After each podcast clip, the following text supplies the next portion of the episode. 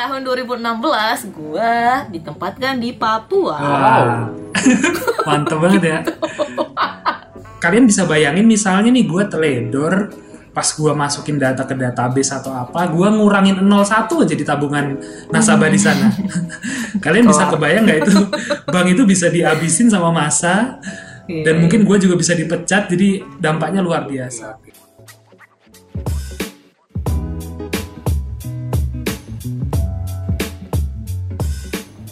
Halo sahabat Benny, selamat datang di podcast Beneran Indonesia episode yang keempat. Eh, perkenalkan, aku Saris, Eh, aku akan jadi host untuk episode kita kali ini. Dan em, seperti episode-episode sebelumnya, eh, podcast kita kali ini dilakukan dengan jarak jauh. Nah, eh, di podcast kita kali ini kita udah kedatangan nih dua kakak yang gak kalah keren dari episode sebelumnya. Keren-keren banget kakak ini. Kita langsung sambut aja ya. Ada Kalva dan Kak Raisa. Yeay. Hai, Halo. halo. Welcome back nih ya Kak ya. Nih Kalva dan Kak Raisa yang sama kan? lagi ya. Dari iya, episode sebelumnya. sama deh. Oh, oh, tadi ganti baju bentar. So welcome back Kak. Uh, thank you banget. Uh, Udah kasih waktu lagi buat main-main ke podcast Beneran Indonesia. Apalagi nih kita rekamannya kan dari masing-masing nih Kak. Pasti setting alat, siapin laptop, handphone dan sebagainya. Thank you banget ya Kak. Nggak apa-apa demi adik-adik. Yuk, Kita rela. sama-sama.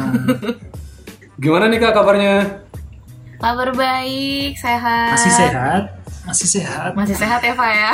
Tetap sehat lah. Sehat. Nah teman-teman di episode sebelumnya kita juga udah ngobrol nih sama Kak Alfa dan Kak Reza. Di episode sebelumnya kita ngobrolin tentang eh, gimana sih wak- eh, waktu Kak Reza dan Kak Alfa tuh milih jurusan kuliah, milih kampus dan kehidupan seputar kampus mereka. Nah di episode kali ini kita mau maju ke depan nih. Kita akan ngomongin eh, transisi dari masa kuliah ke dunia pekerjaan. Oh, Gitu ya Kak Alfa dan Kak Reza ya bener banget, Riz. Ya, boleh Oke. banget. Nah buat teman-teman yang belum dengerin episode sebelumnya, pause dulu episode yang ini langsung dengerin episode yang sebelumnya dulu supaya em, Biar makin nyambung mantap ya, yang di- Riz. Hmm, biar lebih asik kayak gitu. Dan aku akan tetap kenalin lagi eh, Kak Alfa dan Kak Raisa ini siapa sih? So Kak Alfa ini adalah alumni dari Fakultas Teknik jurusan Teknik Fisika dari Universitas Gajah Mada PTN yang ada di Yogyakarta dan sekarang Kak Alfa udah bekerja di salah satu perusahaan swasta yang ada di Jakarta ini di IBM ya Kak Alfa ya? Ya, bener. Nah, Kak Alfa di IBM eh, sebagai Business Transformation Consultant. Bener Kak Alfa ya? Ya, bener. Ini siapanya Transformer Kak? Saudaraan beda bapak kali Oh, ya. keren banget ya namanya. Nah, yang kedua, Kak Raisa ini merupakan alumni salah satu perguruan tinggi kedinasan yang ada di Indonesia yaitu STIS atau Sekolah Tinggi Ilmu Statistika dan sekarang Kak Raisa bekerja di Badan Pusat Statistik. Benar ya Kak Raisa ya di BPS ya Kak? Benar sekali, Kakak Saris. Oke, so s- selamat datang lagi. Thank you banget buat Kak Alfa dan Kak Raisa udah main bareng lagi nih. Nah, Kak Alfa dan Kak Raisa kayak episode sebelumnya, masih ingat nggak Kak kita main kemarin? Pernah nggak pernah? Never have I ever. Kalau. Wih, Iya, Kak iya. Raisa. 100. Langsung Wah, sebutin 70 aja, namanya berarti loh, keren dong keren. Alfa kalah berarti ya? Enggak ya? Oh, Itu permainan itu kita game. sekarang, nggak ada yang. Kan. Nah, kita sebelum ngobrol lagi kita mau main juga nih Kak Alfa dan Kak Reza. Kita mau main mirip-mirip kayak kemarin tapi nggak sama. Namanya this or that. Hmm. Ini atau itu. So, nanti aku akan kasih beberapa kata. Eh, aku akan sebutin dan Kak Alfa dan Kak Reza tinggal pilih mana yang kakak pilih. Misalnya aku sebutin A dan B. Kak Alfa dan Kak Reza tinggal pilih A atau B kayak gitu. Sebutin bareng-bareng boleh. Siap. Gampang ya kak? Gampang kayaknya. Oh nggak pakai this, this and that gitu maksudnya? Nggak. Kita ngomongin yang lu bilang aja. Gue harus bilang A Iya, diulang. misalnya gitu. Ya, betul. Oh, oke. Oke, oke. Kayak misalnya kucing atau anjing, tikus kan salah kucing atau anjing. Iya, iya. gitu. Oke, kita mulai yang pertama ya ya. This or that. Buku atau film? Film. Film. Oke, wow. Kalau film favorit apa sih kak? Waduh, banyak banget deh. Avenger Endgame. Wow, Shawshank. Redemption. Hmm, wow, ini old school banget ya. tua, udah. Tua banget ya, wow. Usah old school, old Itu kayaknya ya. aku belum lahir kan filmnya keluar. Udah Harry ya. Sama aku. Please, please. Oke, nanti kita review bareng filmnya. Oke, Disordered yang kedua, kerja di rumah atau di kantor. Di Kantor. rumah. Wow. Terjadi persaingan yang sengit, saudara. nih mungkin Kak, Kak Reza nih kenapa nih kak? Kalau di rumah. Nggak tahu ya, kenapa gue sih ngerasa lebih fokus kalau di rumah. Nggak tahu kenapa. Heeh. Kalau Kak Alfa? Gue kalau di rumah tuh sepi, nggak bisa ketemu banyak orang, menderita gue. Oh, orang apa orang? Ajak main anak kamu. Social Oke. distancing, Pak. Nggak boleh. Disordered yang ketiga. Komuter lain atau Transjakarta? Komuter lain. Transjakarta.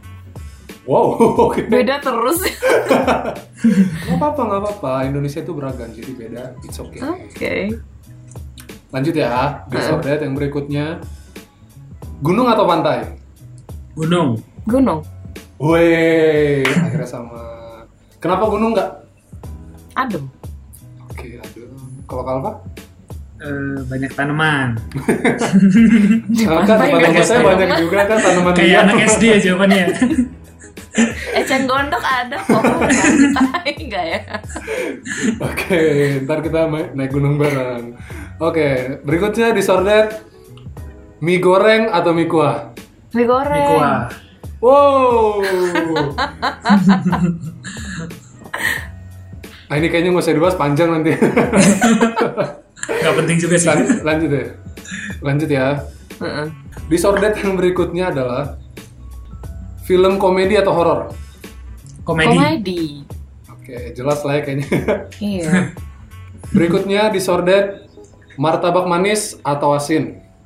Asin. Manis. Wow. Sumpah ya beda terus. Emang harus sama ya dia? Intinya PTKP kalian kayaknya nggak bisa Pak. jalan bareng deh ya. Makanan lain, naik transportasinya lain, mie gorengnya Iya lain. nih kayaknya. Cuma nonton komedi doang tadi bisa bareng. Habis itu Iya, jalan pisah masing-masing ya. Terakhir, terakhir, terakhir. Ini agak politis ini, tapi kita nggak apa-apa lah. Kan podcast nih, ya Duh. boleh lah ya. Gak enak perasaan gue. Disordered, bubur diaduk atau nggak diaduk? Oke. Nggak diaduk. Aduk kan kan. Hei, bubur itu Wah. harus diaduk Aduk. biar lebih nikmat. Iya. Diaduk. Melempem-melempem gitu Ruwet nanti. Nggak Iya. enak. Gak bisa dihitung ya kak, kayak pakai fisika gitu ya pergerakan. Iya, patternnya nggak kelihatan. Patternnya. Pattern. Oke, thank you Kak Alfa dan Kak Raisa. Semoga Yeay. nanti meskipun kita beda nih pilihannya tetap bisa main bareng ya. Jadi gitu ya episode 4 Pasti ya. dong. Terima Iya. kasih. Enggak ya? oh bukan. Bukan dong. Tadi kan Oh, bukan. kita lanjut nih Kak dari episode sebelumnya. Sekarang kita mau ngomongin transisi dari masa-masa kuliah ke masuk ke dunia kerja nih Kak. Sip. Gitu. Seru kayaknya. Yap. Nah, em, Kak Alfa ini em, dari jurusan teknik fisika lalu bekerja di sebuah perusahaan swasta di IBM. IBM ini perusahaan apa ya kak? Tech company atau apa ya? Iya, eh, mungkin kalau gue jelasin singkat, IBM ini tech company. Dia salah satu Heeh. atau mungkin satu-satunya ya tech company paling tua di dunia. Jadi umurnya sekarang tuh udah 106 dan dia masih bisa survive eh, dari zaman ke zaman kayak gitu. Meskipun produknya berubah ya.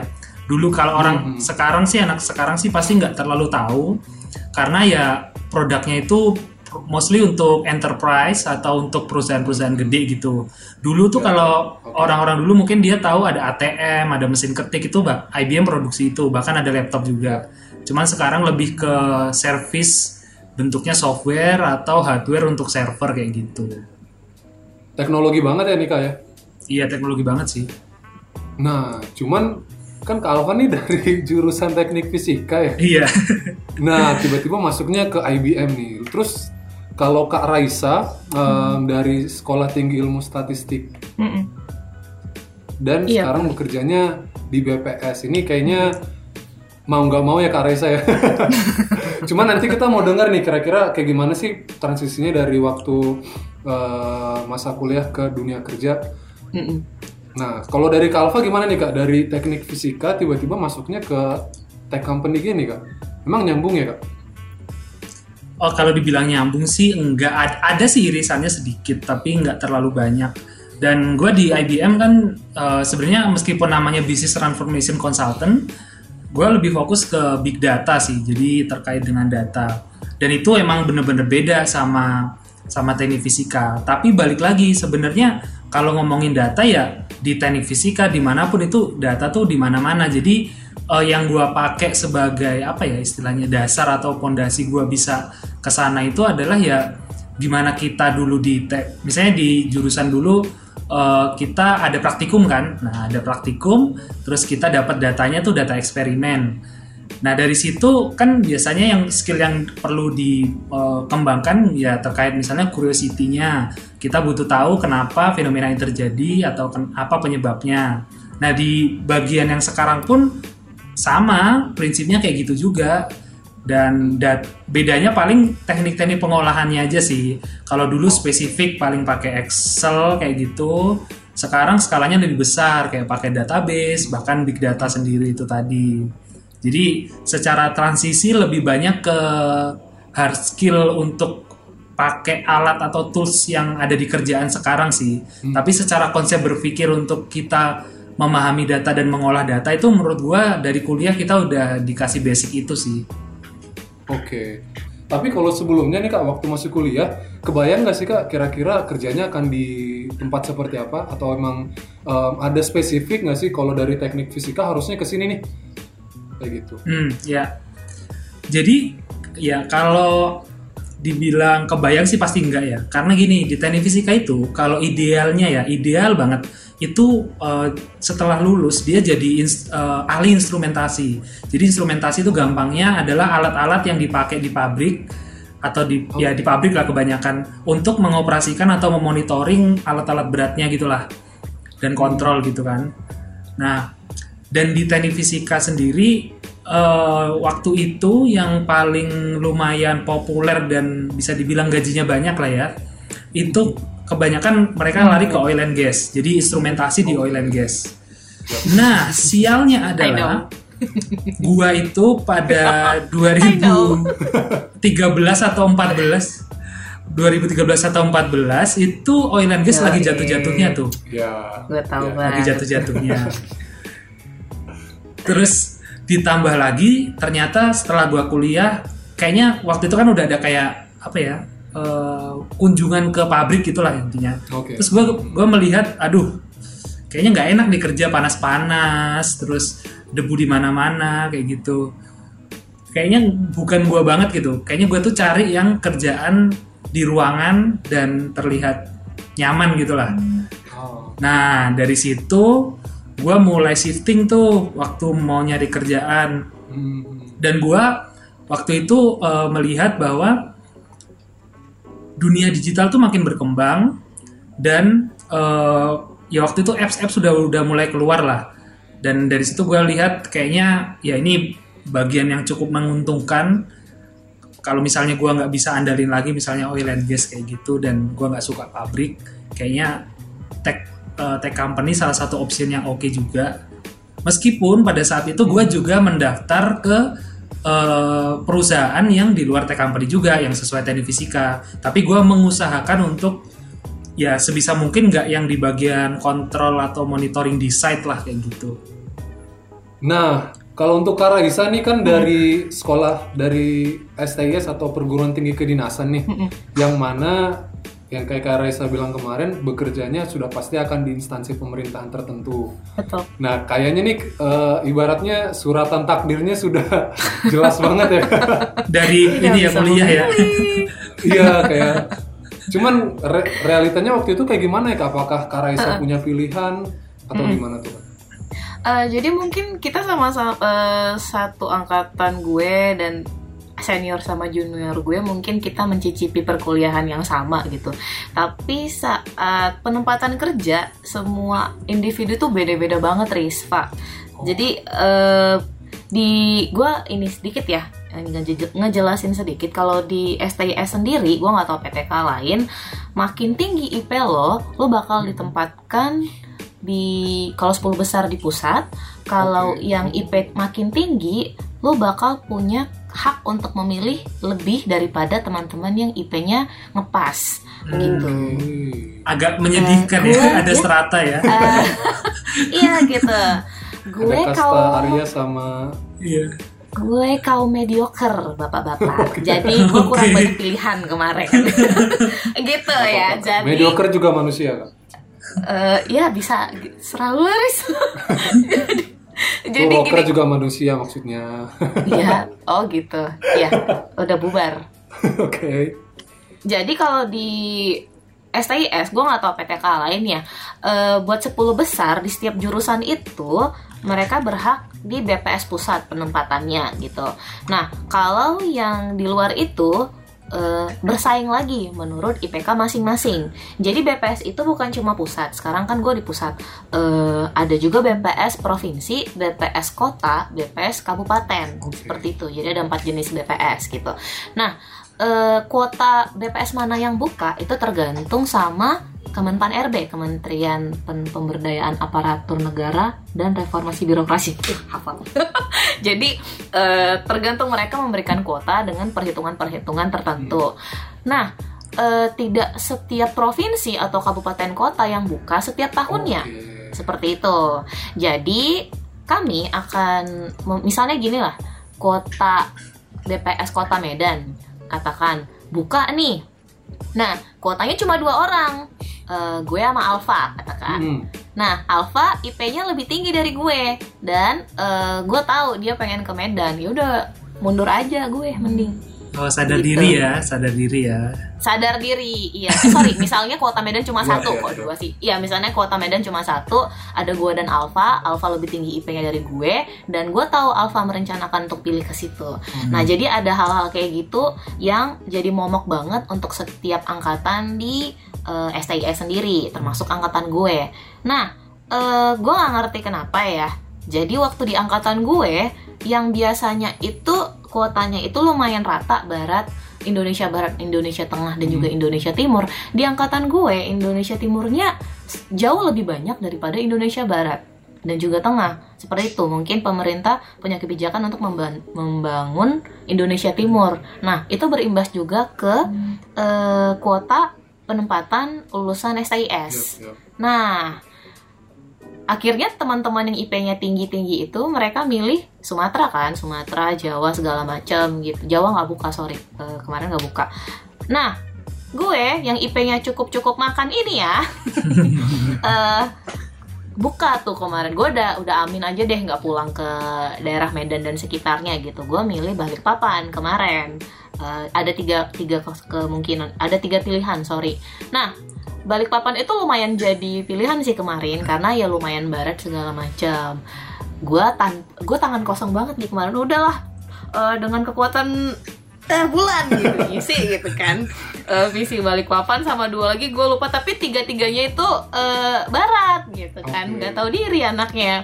Nggak lolos kan nggak lolos. Akhirnya orang-orang kayak gue yang nggak terpilih pilihannya ditaruh ke daerah yang tidak ada peminatnya. Oh. Akhirnya di tahun 2016 gua ditempatkan di Papua. Wow. Mantep banget ya. Tapi masih Gimana? sesuai mimpi lu kan sebenarnya. Lu kan pengen keluar Apa? dari Medan Apa? tuh. Nah itu, nah itu, Sebenarnya nggak ada yang salah sebenarnya.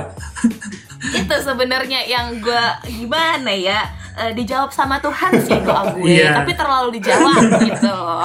Jadi gua rada-rada zong gitu sih kemarin. Wow. Eh, jadi kalau dibilang gue lumayan kasus yang tidak wajar untuk gue ceritakan di sana di sini mungkin ya tentang gimana transisi dari kuliah ke kerja karena transisi apa transisi yang gue alamin adalah eh, berdamai sama situasi, lebih ke personal gue. Gimana untuk menghadapi culture shock sama eh, ya Papua, gue nggak tahu dan Papua gue itu bahkan gue nanya sama teman-teman gue yang di Jayapura, Hmm. tahu Kabupaten Paniai nggak? Itu nggak pada tahu apa gitu. Oh. Dan saat gue browsing Paniai gitu, yang nongol itu adalah, aduh gue nggak enak sih. Pokoknya nggak Iya. nggak sesuai sama ekspektasi gue gitu. Pedalaman Dan- banget kali ya kayak. pedalaman Wow. banget ini tempat apa gitu loh dan ya gitu jadi gue lebih ke eh, 2016 itu kuliah ke kerja itu titik terendah di hidup gue malah kayak gitu sih Hmm, oke. Mm-mm. menarik ya. Soalnya teman-teman gue yang dulu KKN juga di Papua, rata-rata mereka Iya. ceritanya paling banyak karena paling susah sih. Paling banyak penyesuaian juga kali ya. Iya Iya, bah- bahkan ada yang hampir kayak semacam di di demo warga sekitar gara-gara salah tempat gitu. Mhm. Jadi sampai ada yang bawa parang, Hmm, temen iya, gue udah deg-degan banget itu. iya iya Serem banget sih.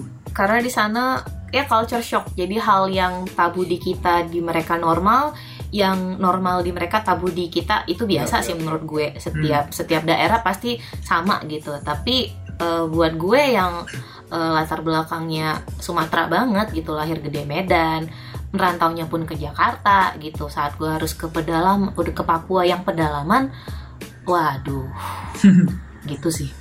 Udah bukan tantangan lagi ya. So berarti kalau di di STY sendiri pilihan-pilihan seperti itu justru dimulai dari di kampus ya kak? Maksudnya prestasi kita di akademis itu akan menentukan penempatan kita berikutnya Betul. entah itu Iya. di semakin ramai atau di pusat kota ataupun semakin ke pedalaman gitu ya lebih ke Wow. lo akan diprioritaskan di pilihan lo kalau misalnya Yes. IPK-nya lebih tinggi kayak Oke. gitu sih Tapi lu tahu nggak sih dulu maksudnya hal kayak gitu?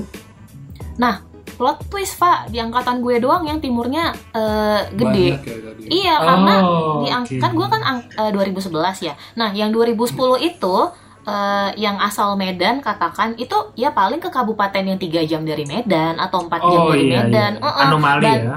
yang eh, eh, deket-deket situ ya paling banter mungkin ke ya daerah Palembang atau Lampung kayak gitu atau Kalimantan lah katakan istilahnya yang masih gampang gitu untuk akses pulang kampung gitu Hmm. jadi mungkin angkatan gue kejadian luar biasa gitu soalnya kan Menarik. kalau kita ingat dulu itu periode pertamanya Pak Jokowi kan dan memang Iya. beliau sangat fokus pembangunan Bener. Indonesia Timur kan Bener. Oh, Mungkin make makanya sense sih. Iya. make banyak sense. ekspansi daerah sih sepertinya kayak gitu ya kalau lihat bigger picture-nya itu bagus sih Iya, iya. di gue nya yang Nah ini menarik banget nih kak Kak Raisa bahkan ditempatkan berapa lama kak di Papua kak? tiga tahun Tiga tahun. Wih, lama Iya. banget sih. Itu masa kerja gue sekarang itu. Dari lulus pertama ditempatin langsung di Papua dan itu selama Iya. tiga tahun. Wow. Tiga tahun. banget. Kalau mungkin ada satu kata nggak kak yang bisa mener menggambarkan pengalaman tiga tahun di sana kak? mujizat itu dong Mukjizat ya, wow. iya mujizat sih itu Kenapa doang tuh kak? wah macam-macam Riz pak kayak apa ya soalnya boro kalau kayak Alfa itu kan lebih ke teknis ya.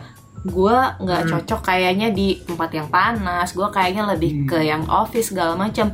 Gue tuh lebih ke apa ya eh, struggling moment gitu.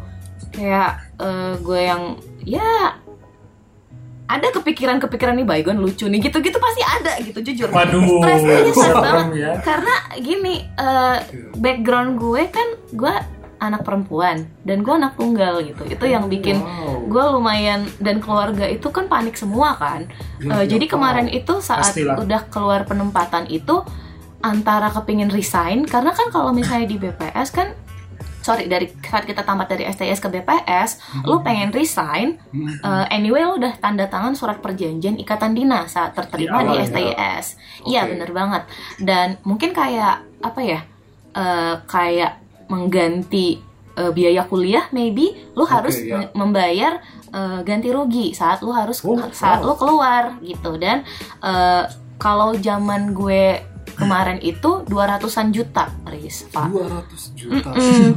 Wow. Ntar dulu, angkatan sekarang 500 juta gitu Pastilah inflasi ya. Iya, inflasi segala macam gitu kan. Eh, dan kemarin itu mikirnya apa gue resign aja gitu kan, daripada gue berangkat ke tempat apa gitu, atau gue berangkat.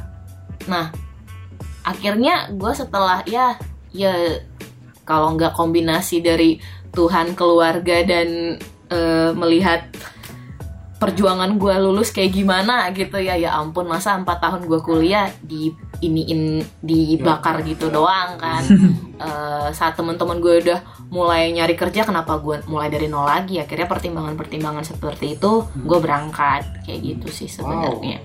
Mm-mm. Berat banyak ya, banget Mm-mm. Perlu mental-mental yang tough nih kayaknya buat ah perguruan gue tinggi tahu kedinasan. banget. Ya gitu. Keren banget Kak Raisa. Wow. Puji Tuhan deh Duh. Nah nih teman-teman kalau tadi dengerin Kak Raisa kerjanya di BPS, statistik, dan Kak Alfa kerjanya di tech company yang eh, banyak bersinggungan dan da- dengan data. Nih kayaknya mirip nih antara Kak Raisa dan Kak Alfa nih. Sama-sama kerja di bidang perdataan lah ya bisa dibilang. Sangat erat dengan Bukan data dan ya. Nah, tapi kan kalau Kak Alfa nih kerjanya di perusahaan swasta nih. Kalau dari Kak Raisa sendiri di pemerintahan. Nah, kalau em, dari Kak Alfa nih boleh diceritain nggak secara singkat IBM tuh eh, perusahaan apa, terus em, Kak Alfa sendiri mengerjakan apa dan terlibat dalam eh, pekerjaan seperti apa di IBM? Iya, mungkin gue share salah satu project aja kali ya yang mungkin biar bisa kebayang. Oke. Jadi salah satu project yang menarik yang pernah gue ikutin itu terkait dengan comment center. Jadi tadi lu udah jelasin gue bagian data-data kan. Jadi comment center itu teman-teman yang mungkin masih SMA belum pernah dengar itu adalah kalian bisa bayangin suatu ruangan yang isinya banyak banget chart ataupun angka-angka yang menggambarkan eh, banyak sekali proses di suatu perusahaan. Nah, waktu itu gue bikin sama teman-teman gue uh, project comment center untuk oil and gas. Dan kebetulan gue kebagian di bagian upstream. Jadi upstream ini kalau teman-teman belum pernah dengar dan bayangin itu uh, proses ketika minyak mentah diambil sampai masuk ke kilang. Hmm, Bagian hulunya berarti ya Kak ya? Ya, Tambangnya. ya? Hmm, Oke. Nah, jadi eh, ini menarik banget karena gua nggak cuman membuat chart sebanyak mungkin dan angka sebanyak mungkin, tapi juga gua harus bikin cerita antara satu chart dengan chart lainnya bisa lewat eh, halaman, bisa lewat interaksi antar chart, Wow. bisa eh, lewat jadi kalau di eh, visualisasi itu ada kayak time frame gitu kita bisa mainin time frame-nya. Nah eh, di situ gue melihat ya data ini berperan penting banget sih buat suatu perusahaan. Kayak tadi gue bilang si pengambil keputusan atau biasanya si level atau ya or- petinggi-petingginya lah. Mereka itu kayak istilahnya perusahaan itu jadi peliharaan mereka sebenarnya. Kenapa gue bilang peliharaan? Ya supaya lebih mudah dibayangin. Kayak kalian punya misalnya anjing atau kucing, kalian kan harus rawat dan dia akan tumbuh dan kalian juga harus pantau kesehatannya. Nah kalian bisa lakukan itu dengan bersama dia setiap hari dan melihat apa yang terjadi dengan mata kepala kalian kan. Nah masalahnya di perusahaan itu nggak semudah itu melihatnya karena banyak sekali divisi dan banyak sekali subproses yang ada di perusahaan. Nah dari project ini si petinggi-petinggi itu jadi bisa lihat mulai dari minyak itu diambil berapa yang diambil dan akhirnya yang nyampe berapa dan bagaimana prosesnya seberapa besar seberapa bahaya itu kerekam semua jadi bahaya ini terkait waktu itu gue ada bikin juga terkait HSE Apa tuh? Jadi eh, kalau di oil and ya oil and gas itu kan mereka salah satu pekerjaan yang risknya ter- cukup tinggi ya.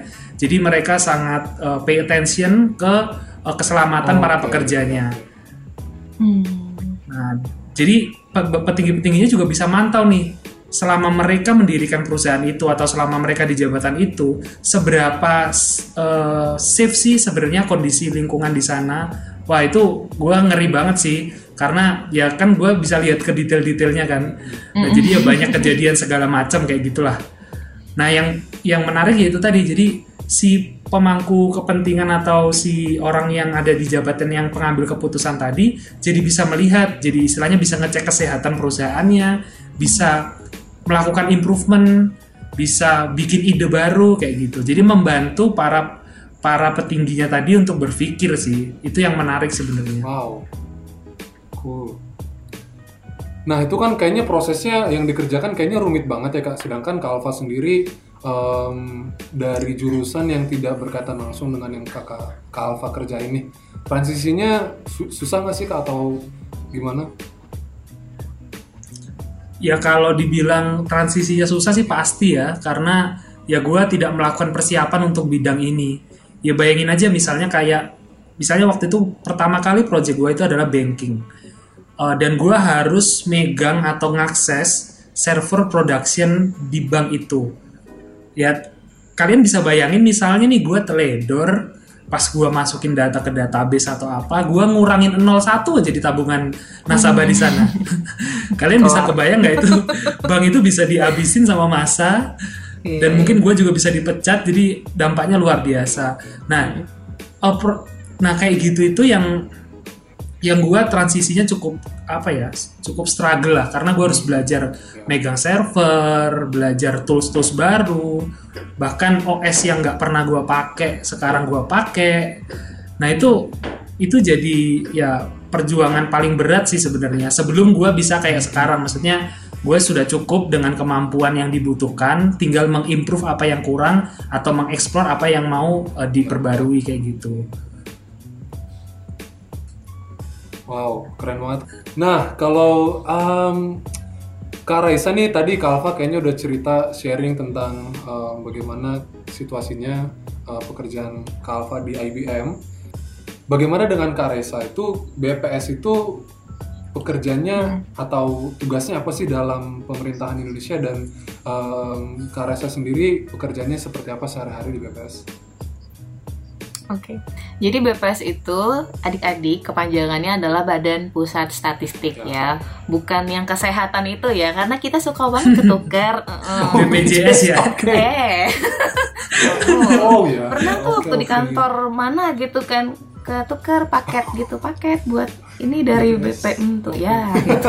ya itu kan lanjut lanjut lanjut jadi eh, BPS itu adalah lembaga pemerintahan non kementerian yang tanggung jawabnya itu langsung ke presiden Hmm. jadi kita tuh bukan di bawah kementerian apa pun jadi kepala BPS itu langsung dikomando oleh presiden Non seperti itu struktural berarti ya kak? ya? Eh, Oke. Iya, non struktural.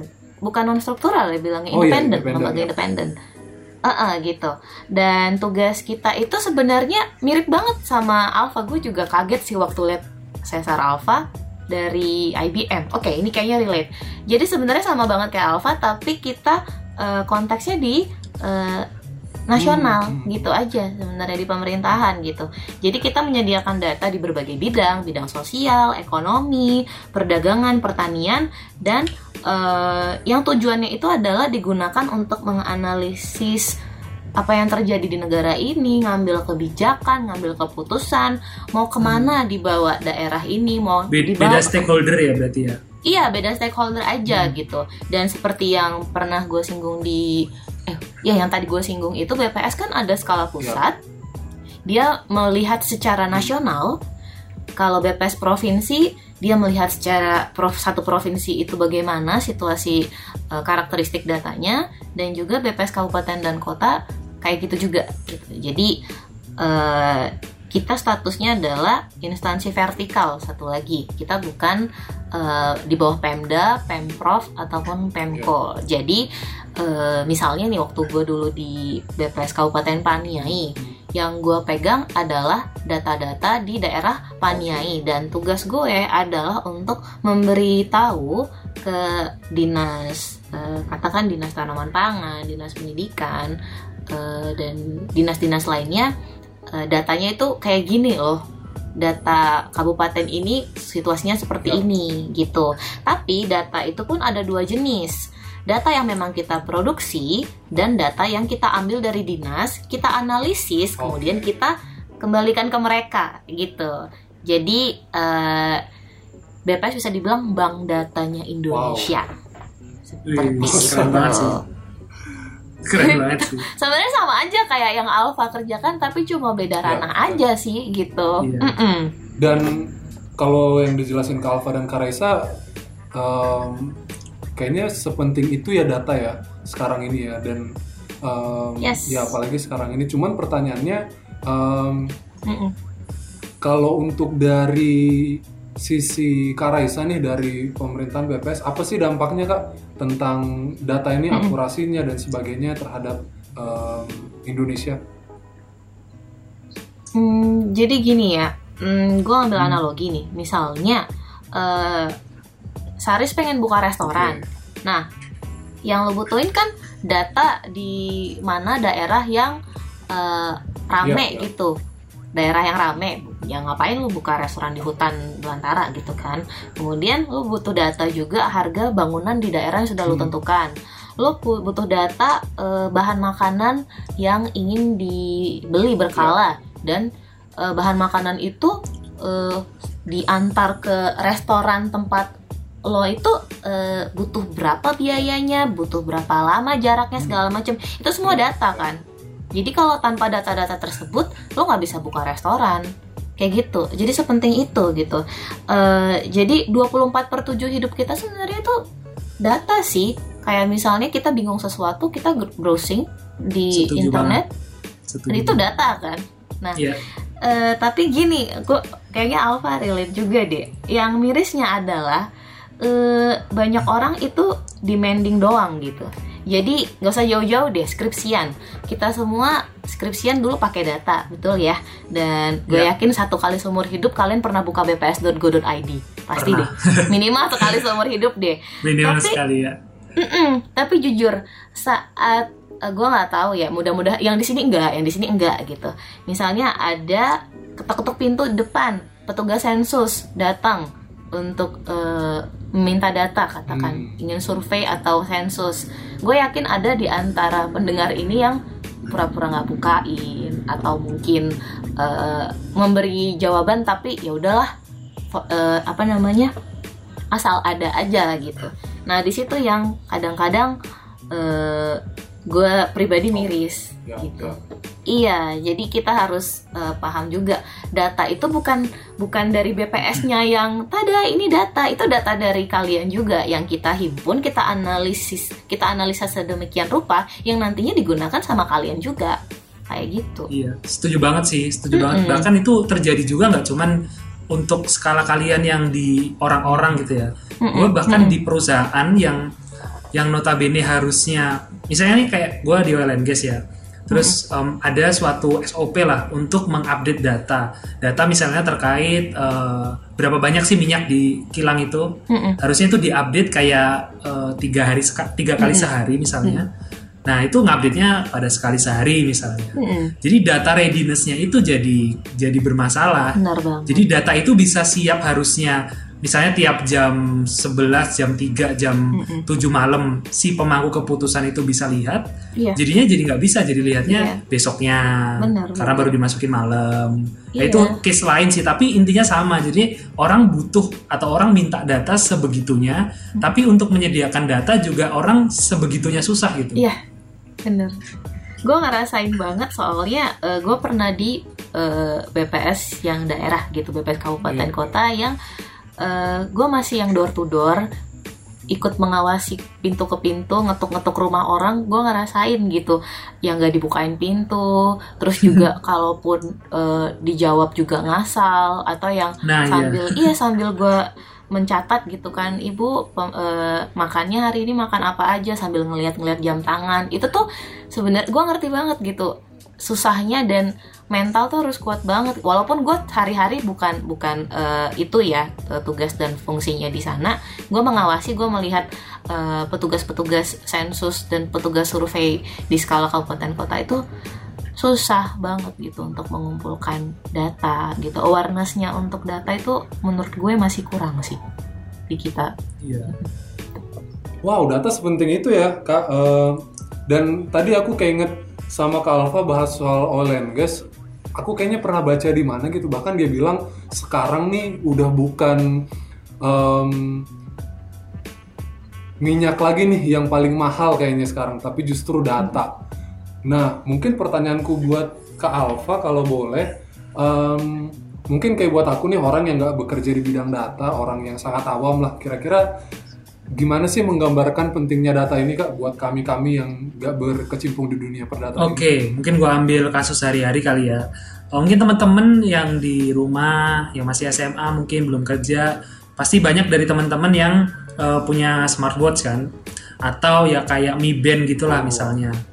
Nah, di Ya, situ ya. kan teman-teman sebenarnya sebagai orang yang mengenerate data dari diri teman-teman sendiri, mulai dari teman-teman lokasinya di mana sampai seberapa jauh teman-teman eh, berjalan atau menggunakan public transportasi misalnya. Dan dan bahkan ya, ya. kalau di beberapa eh, device atau al- alat-alat yang lumayan canggih, mereka ngukur juga heart, heart rate atau ya untuk jantung gitulah. Oh, detak Untuk jantung ya? detak Ya, jantung. ya. Nah, Hmm. Eh, sebenarnya ketika kalian melihat data itu sebagai oh datanya gitu aja, ya itu bisa jadi gitu aja. Cuman kalau teman-teman lebih lihat lagi ketika data itu dikumpulkan dan jumlahnya cukup signifikan dalam waktu tertentu, misalnya ini untuk case kesehatan ya. Untuk misalnya eh, orang-orang yang atau dari keluarga yang punya resiko penyakit jantung. Nah, kalau sebelum ada smartwatch, mereka kan nggak nggak bisa tuh eh, ngira-ngira sebenarnya gua nih sebagus apa sih jantungnya atau sepowerful apa gue bisa be- berolahraga atau eh, beraktivitas. Karena dulu kan kalau orang sakit jantung ya biasanya ketahuan ya waktu sakit jantung atau orangnya rutin periksa gitu kan. Nah tapi sekarang nggak perlu rutin periksa misalnya, tapi kita bisa pantau lewat data di smartwatch kita. Kita bisa lebih aware, kita bisa lebih eh, peka terhadap kondisi kita sendiri, dan akhirnya kita bisa melakukan perubahan tanpa harus menunggu orang lain atau ya teman-teman kalian menyuruh kalian untuk berubah gitu. Misalnya dalam segi kesehatan ya jadi misalnya rajin olahraga karena ternyata baru jalan 5 kilo tapi capek banget udahan kayak gitu. Something wrong nih, gitu ya. Iya, Oh, wow. itu sih paling contohnya sebegitu pentingnya untuk kita bahkan terkait nyawa nyawa kita kan itu. Iya, iya, iya. Wow. Oke, thank you Kak Alfa buat sharingnya. Em, kita ya aku pribadi jadi lebih aware sih, jadi nggak eh, pertama nggak sembarang ngasih data, tapi pun kalau ada data yang aku kasih, ya supposed to be aku akan kasih yang sebenarnya karena em, entah itu akan sangat berguna buat eh, dia yang pasti akan sangat berguna buatku gitu ya kak. ya? Iya. Nah, em, kalau Kak Alfa dan Kak Raisa masih ingat di episode sebelumnya aku pernah na- sempat nanya tentang apa sih tujuannya Kak Raisa dan Kak Alfa berkuliah. Nah, kalau kemarin eh, waktu kuliah, sekarang aku mau tanya ketika dunia eh, dalam dunia pekerjaan, apa sih tujuannya bekerja buat kakak-kakak? Mungkin em, Kak Alfa boleh share nggak Kak? Iya. Mungkin kalau dari gua lebih menekankan ke yang berguna tadi ya. Karena kan eh, ketika kita bekerja ya, kita sekarang benar-benar berinteraksi sama orang, sama lingkungan kita. Kalau dulu kuliah kan mungkin ya masih adalah porsinya untuk buku dan untuk eh, dengerin dosen ngomong gitu kan. Kalau sekarang porsinya benar-benar ya kita ketemu orang dan orang itu benar-benar terdampak dengan apa yang kita lakukan itu sih. Jadi makanya kenapa uh, menjadi berguna atau ya bermanfaat buat orang banyak itu jadi tujuan paling utama sih. Prioritasnya lebih naik jadi di atas gitu sih. Compare sama gua dulu kuliah. Mungkin kalau dulu kuliah ya agak Ya, kedua atau ketiga kayak gitu. Ya. Nah ini kita udah sempat kepoin ke Alfa nih sedikit nih kak. Terus kita dapat info kalau eh, Kak Alfa ini jadi salah satu anggota tim relawan dari IBM kalau nggak Iya. salah ya kak. Untuk melakukan sesuatu terkait dengan wabah COVID-19 ini nih kak. Membantu pemerintah kalau nggak salah ya kak. Boleh diceritain Iya, nggak? eh, menarik sih ini sebenarnya karena ini berangkat dari kegelisahan gue dan teman-teman di IBM. Jadi waktu itu sekitar bulan Maret ya, masih awal-awal. Tapi di IBM itu kita kan eh, perusahaan asing gitu ya, jadi perusahaan swasta dan secara prosedur itu sudah sangat ketat sih. Jadi keamanan dan kesehatan karyawan itu sangat penting. Jadi kami udah mulai untuk WFH sebelum WFH itu kayak gembar-gembor gitulah.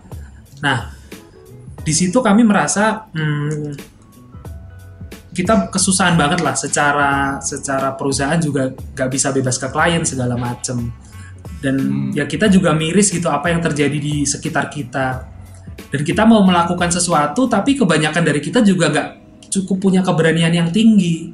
Misalnya untuk keluar rumah untuk bagi-bagi sembako. Ya, ya. itu waktu itu kita benar-benar takut dan bahkan dari IBM pusat di sounding untuk nggak boleh keluar segala macam. Nah yang bisa kita lakukan adalah ya kita punya skill kita punya kemampuan untuk berpikir juga jadi waktu itu kita riset eh, ya ini nggak nggak pendek sih sempat seminggu dua minggu akhirnya kita eh, memutuskan untuk oke kita bantu dari segi pena- pendistribusian logistik karena waktu itu yang terjadi adalah banyak orang yang ingin menyalurkan logistik terutama APD Wow. tapi Ya, ya. orang yang memanajemen atau dalam hal ini di Indonesia yang manajemen B- BNPB ya. Jadi BNPB ini kes- Iya, cukup iya. kesulitan dan kewalahan dan dibantu BUMN yang lain juga kesulitan dan kewalahan untuk ya membagi ke mana, membaginya berapa banyak dan progres pembagiannya seperti apa sebenarnya sejauh ini yang mereka lakukan. Mereka cuman paling bisa mantau dari segi berita kayak gitu kan. Dari segi berita Hmm. mereka bisa lihat oh ada yang protes di sana dan di sini. Nah tapi mereka tuh nggak tahu sebenarnya strategi berikutnya itu yang bagus tuh kayak gimana. Nah dengan banyak diskusi diskusi dengan IBM juga akhirnya kita putuskan yaudah kita coba bantu di bidang supply chain ini untuk ba- bagian logistik. Kita bikin semacam ap- eh, web web aplikasi gitu untuk eh, pendistribusian eh, logistik dan APD dan juga mem- dan juga ngasih mereka kayak semacam ya comment center kecil kali ya dashboard atau chart gitu untuk mereka bisa melihat yang demand tuh seberapa banyak sekarang di masing-masing lokasi terus yang udah fulfill misalnya atau udah keisi udah tersalurkan itu berapa dan relawan yang berkontribusi itu yang masuk BNPB itu ada berapa banyak nah dari situ eh, harapannya itu ya kita bisa bantu dalam hal efisiensi sih jadi BNPB sendiri sangat bisa terbantu untuk mempercepat mereka untuk melakukan ya hal-hal yang lebih penting lainnya. Kalau mereka kemarin sibuk di nyariin eh, udah sampai apa belum atau nyariin se- seberapa banyak yang butuh, sekarang lebih ke misalnya mereka harus mendirikan kayak rumah sakit darurat di mana aja kayak gitu. Jadi lebih lebih tinggi gitu kebutuhan atau ya lebih Strategis gitu ya, strategis. Ya. Itu sih mungkin sekilas yang bisa gua kasih dari apa yang gua lakukan dan teman-teman IBM lainnya lakukan juga. Wow, keren banget Kak Alfa. Wow, di tengah kondisi seperti ini bahkan masih ya seperti yang tadi Kak Alfa bilang sih ya, bagaimana bisa berguna buat Iya. orang lain ya kan. Dan teman-teman di, I- di IBM Nah. tuh juga melakukan ini barengan sama mereka ngelakuin project sih. Jadi cukup susah sih karena kita harus mengambil waktu senggang atau waktu Ju- apa Sabtu Minggu Iya. gitu. Wow, wow. Thank you Keren banget, gue buat juga baru tahu sih. Wow. Wow. Nah, buat Kak Raisa Ya. nih, sama tadi aku ngutip kayak kata yang yang dibilang Kak Alfa di- dalam pekerjaan uh, juga tujuannya bisa bagaimana kita berdampak berguna buat orang lain. Nah, buat teman-teman yang mung- mungkin belum tahu, jadi Kak Raisa ini pernah nulis buku nih, bukunya Waduh. keren banget, asik banget. Uh, insightful Dasar banget. Kepo. Uh, judulnya PNS Petualang Negeri Sipil ya. ya? Petualang negeri sipil. Nah, Ngepoin dari so, mana bahkan kamu? Hmm. Kak Raisa tahu nih dari mana kayak gitu. bekerja di instansi pemerintah tapi tetap kasih waktu bisa buat bikin sesuatu, bikin karya yang bisa berguna buat banyak orang. Tuhan. Boleh ceritain nggak Kak Raisa nih buku ini tentang apa sih dan gimana perjalanannya bisa sampai ada buku Petualang Negeri Sipil ini? Ya sebenarnya ya gimana ya? Eh ini juga bukan hal yang gue rencana nggak bukan satu hal yang gue rencanain sebenarnya. Jadi ceritanya buku ini prosesnya di tahun 2017 dan itu adalah inisiatif dari salah satu temen gue eh, namanya Kang Andri Saleh yang sekarang bertugas di BPS Provinsi Jawa Barat. Jadi Kang Andri singkat cerita gue ketemu di salah satu workshop penulisan gitu di eh, tahun 2017 kayaknya. ya ketemu Kang Oke. Andri itu di 2017 gitu jadi eh, Oh. jadi wow. jadi dari awal ngajak sampai detik ini kita cuma via WA doang gitu karena emang iya Wih, via WA doang. keren juga ya. eh, belum Bukunya ketemu. udah jadi. Iya cuma via Komunikasi WA kan WA ya? situasinya gue di saat itu gue di Sentani. Sentani itu adalah ibu kota Kabupaten Jayapura dan eh iya jadi kan Oh, ini gue tahun pertama itu adalah di Kabupaten Paniai. Nah di tahun kedua dan ketiga itu gue di Sentani Kabupaten Oh, Jayapura. iya. Kalau pernah dengar eh, peristiwa banjir bandang kemarin, iya. Jadi itu itu Sentani. Oh iya, gitu. Sentani, ya, Dan ya. akhirnya Hmm. gimana gimana gimana jadilah eh, buku itu yang gue bukan mau nggak ada rencana sama sekali gitu tapi em, intinya gue pengen eh, menceritakan ke adik-adik tingkat ini paling relate sebenarnya ke adik-adik tingkat gue di STIS kalau penempatan di mana pun itu nggak sehoror itu dan lo bisa Ya, ketemu ya. hal-hal yang lo nggak expect sebelumnya eh, di tempat Hmm. penempatan di penempatan lo masing-masing jadi sebenarnya intinya cuma pengen sharing doang gitu karena gue mikir apa gunanya gue ditaruh jauh-jauh tapi Ya. nggak ada gunanya gitu gue Hmm. pengen berdampak gue pengen sharing ke orang-orang gue pengen ngasih tahu kalau hey nggak separah itu kok penempatan di mana pun gitu asal asal lu punya tujuan yang benar asal em, fokusnya itu bukan diri lo tapi Iya. lu datang ke situ eh, di mana langit di apa sih gue di mana langit dijunjung di situ bumi di bijak itu bukan sih bukan ya ya jadi Oke, nanti kita lihat Ah, gitu. Coba cari di Google kali ya. ngerti maksudnya gitu kan Tapi kita ngerti Jadi, maksudnya, kita eh, ngerti. apa namanya intinya Ya, sih ya. itu bukan bukan teknis banget tentang profesional gue sebagai eh, pegawai BPS mungkin perbandingannya 60-40 kali ya tapi eh, intinya gue pengen ngasih tahu aja kalau hmm, di mana pun kalian ditempatkan nanti adik-adik di mana pun kalian bekerja nggak harus nyampe ke Papua juga kalian itu eh, cobalah untuk jadi cobalah untuk berdampak sama kiri kanan kalian semua gitu. Kayak kemarin jadi ceritanya itu lebih ke gimana gue em, bertemu sama orang-orang setempat dan jadi sahabat sama mereka. Jadi kalau tentang buku sih itu aja gitu nggak nggak Hmm. yang gue nggak pengen fokusnya di cerita gue gue nggak pengen eh, yang baca itu jadinya ke sosok gue nggak mau gitu. Tapi lebih ke Ya. it's fine kalian mau penempatan di mana aja berjuang berkarya berdampak. Tiga itu sih yang pengen gue tekankan gitu. Dan eh, gue yakin banget sih teman-teman yang penempatan di mana pun mereka itu pasti eh, memberi dampak di daerahnya masing-masing. Kenapa kayak contohnya nih misalnya gue kemarin ikut untuk mengumpulkan data di sensus ekonomi di tahun 2016 kemarin kan sensus ekonomi 2016 di Kabupaten Paniai. Eh, walaupun kecil gue berdampak untuk memberikan eh, gambaran bagaimana situasi ekonomi di Kabupaten Paniai di setahun gue kerja gitu. Misalnya ada teman gue yang penempatan di Pontianak katakan. Dia di bagian hmm, PDRB-nya gitu PDRB apa ya bilangnya ya pokoknya hmm, pendapatan di daerah tersebut walaupun dia bukan orang Pontianak asli tapi dia membantu daerah itu untuk Ya. eh, punya gambaran tentang daerah itu sendiri dampaknya seperti itu gitu jadi lebih ke situ sih yang ingin gue eh, tekankan Ya, ya. dari novel itu bukan ke gue nya gitu Yap, yap. Wow. Thank you, Kak. Ini kalau aku bisa simpulin dari ceritanya Kak Raisa sama Kak Alfa ada yang mirip-mirip nih. Yaitu em, Kak Alfa dan Kak Raisa ini tetap mengusahakan gimana caranya berdampak dan berguna buat banyak orang dengan apa yang mereka punya. Kayak tadi Kak Alfa cerita, nggak quote and dilarang keluar, nggak berani juga dalam kondisi seperti ini, tapi mereka punya kemampuan, mereka punya platform. Bahkan Kak Raisa yang bikin bukunya jauh di Papua sana dengan eh, bermodalkan platform WhatsApp bisa bikin buku dan itu bisa dibaca oleh banyak orang khususnya junior-juniornya Kak. Ini keren banget. Thank you banget Kak Alfa dan Kak Raisa buat sharingnya. Semoga ini bisa semakin kasih semangat buat eh, kita semua nih buat bisa jadi orang yang berguna dan berdampak buat banyak orang. Amin. Amin.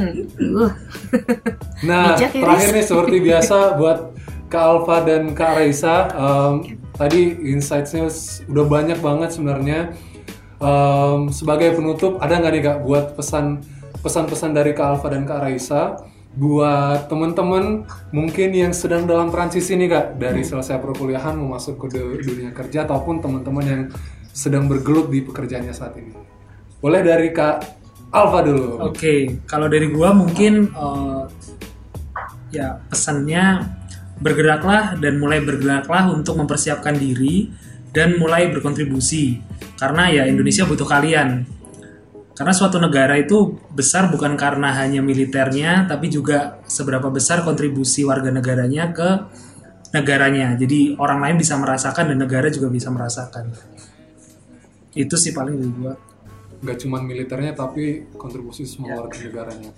Keren keren. Thank you Kak Alfa. Kalau Kak Reza gimana nih Kak? Apa pesan-pesannya Kak? Eh, mungkin ada beberapa ya. Eh, oh boleh. buat adik-adik jalani aja satu-satu anak tangganya. Nggak usah pusingin Wow. pabrik benang kalau anak dombanya itu kalian belum ada gitu.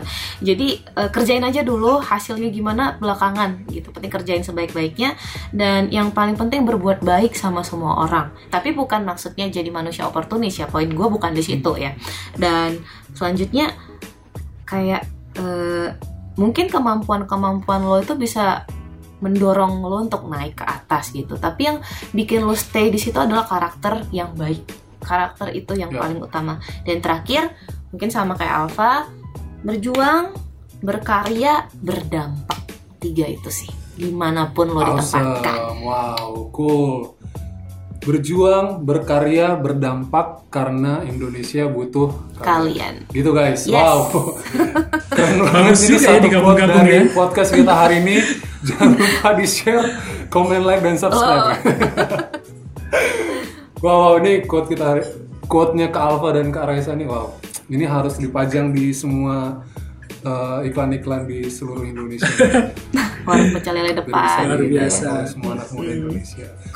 Sekali lagi thank you banget buat Kak Alfa dan Kak Raisa. Um, Ya, semoga pleasure. apa yang kita obrolin bisa berguna pastinya buat yang dengerin, uh, bisa mendapatkan insight-insight baru, bisa mendapatkan semangat yang baru juga.